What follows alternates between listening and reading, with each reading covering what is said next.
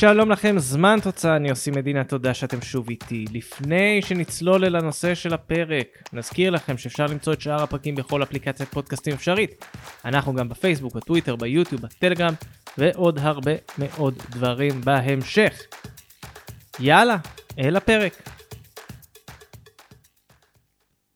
תראו, בשנים האחרונות הרבה נבחרות שהיו נמושות גדולות מצליחות למצוא תקווה חדשה במקומות אחרים. היו לנו כמה פרקים כאלה, אז אנחנו נדבר על עוד נבחרת כזו, נבחרת פקיסטן. לפני חודש פקיסטן חוותה רגע היסטורי מבחינתה. בחלון הבינלאומי של אוקטובר היא שיחקה במפגש כפול מול קמבודיה על הזכות לעלות לסיבוב השני של מוקדמות מונדיאל 2026. אחרי 0-0 במשחק הראשון, היא אירחה את הגומלין בבית באסלאמבאד, סיפור בפני עצמו. זו הייתה הפעם הראשונה שהנבחרת שיחקה משחק בינלאומי בפקיסטן מאז 2015, והפעם הראשונה שהיא עושה את זה במוקדמות המונדיאל מאז 2011. רק 13,000 צופים הגיעו לאצטדיון, והם ראו את הרון חמיד, כובש שער ניצחון שקבע 1-0 לפקיסטן, וכרטיס לשלב הבא. לצד כל העניינים ההיסטוריים, הניצחון הזה היה היסטוריה נוספת. זה היה הניצחון הראשון אי פעם של פקיסטן במוקדמות מונדיאל. עד הקמפיין הזה היא שיחקה 32 משחקים במוקדמות המונדיאל, הראשון שבהם היה בינואר 89 מול כווית והוא הסתיים בהפסד 1-0.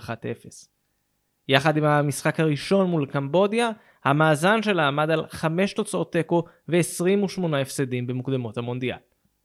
זה אגב, לפני שאני מדבר על כמה תבוסות מרשימות שהיא קיבלה לאורך השנים. הסיפור של נבחרת פקיסטן הוא הרבה יותר מורכב מזה. את הסיפור הפוליטי הבעייתי שלה רבים מכירים. פקיסטן נמצאת במצב של לחימה ארוכת שנים מול הודו, גם אם לא באופן אקטיבי. השחיתות בפקיסטן היא עמוקה, והיא התגלגלה גם לכדורגל המקומי. מאז 2015, הכדורגל בפקיסטן חווה עליות וירידות. במרץ 2015 היא הייתה אמורה לארח את תימן במוקדמות מונדיאל 2018, אבל פיגוע בכנסייה בלהור יומיים לפני המשחק וחוסר יציבות ביטחוני במדינה כולה הובילו לדחיית המשחק בשבוע והזזה שלו לבחריין. באותה תקופה ההתאחדות נחקרה על ידי פיפ"א בחשד לשחיתות. במשך שלוש שנים הליגה המקומית לא שוחקה. באוקטובר 2017 פיפ"א החליטה להשעות סופית את ההתאחדות בעקבות התערבות פוליטית מצד יושב ראש ההתאחדות. המצב הבעייתי מנע מפקיסטן להשתתף בגביע הסולידריות האסייתי, סוג של טורניר ההזדמנות האחרונה לנבחרות בעלות דירוג נמוך במוקדמות גביע אסיה 2019. פקיסטן עוד ניסתה להתאושש מההשעיה הזו במהלך קמפיין מוקדמות מונדיאל 2022, ששימש גם כמוקדמות גביע אסיה. גם אז, כמו במוקדמות המונדיאל הנוכחי, היא פגשה את קמבודיה בסיבוב הראשון והפסידה. המשחק הביתי של פקיסטן נערך בקטאר, כי שוב אסור היה לשחק במדינה. הפעם כבר לא הייתה לה הזדמנות שנייה, וההדחה הזו גם סיימה את דרכה לגביע אסיה. בינתיים הפקיסטנים חטפו השעיה נוספת מפיפ"א, שנמשכה שנה בין 2021 ל-2022. אז איך מכל הבלאגן הזה נוצרת נבחרת שמצליחה פתאום לעשות תוצאה טובה במוקדמות המונדיאל?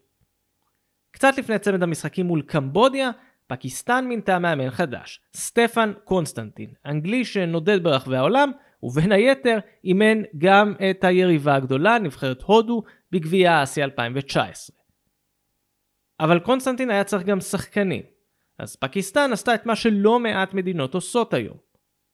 מחפשות באנגליה. כובש השער לזכות פקיסטן באותו משחק, הרון חמיד, נולד בלמבת', רובע לונדוני שבו ממוקמים הלונדון איי וגשר לונדון. הקשר בין ה-20 גדל בנוער של קווינס פארק ריינג'רס ועד לא מזמן שיחק שם. כרגע אין לו קבוצה, אולי ימצא קבוצה בקרוב. הוא לא היחיד. אוטיס חאן, קשר בן 28, נולד באשטון שבפרברי מנצ'סטר. הוא שיחק בנוער של מנצ'סטר יונייטד, וכיום הוא משחק בגרימסבי, עונה שנייה בקבוצה. לצד שני אלה עוד הרבה מאוד אנגלים, אבל לא רק אנגלים, כי בסגל יש גם שלושה שחקנים שנולדו בדנמרק ומשחקים בליגה השנייה שם.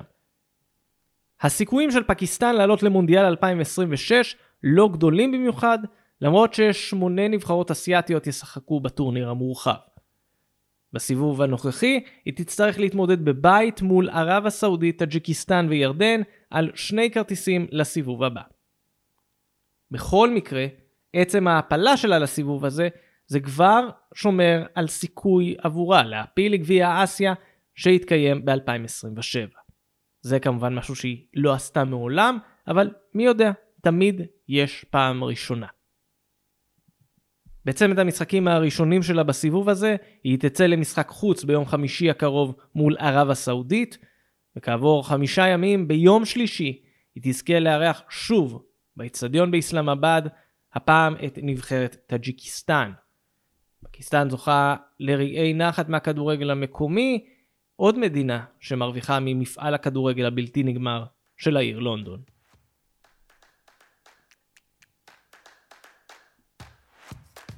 אז זה היה עוד פרק של זמן תוצאה, אני יוסי מדינה, תודה שהייתם איתי. כאמור, אנחנו בכל אפליקציית פודקאסטים. בפייסבוק, בטוויטר, בטלגרם וביוטיוב המון תכנים כל הזמן. אני כבר מחכה לשמוע מכם תגובות, תהיות, רעיונות לפרקים. הבמה שלכם היא לגמרי פתוחה. יהיו עוד פרקים, הם כבר בדרך אליכם. עד אז, שמרו על עצמכם, וביי בינתיים.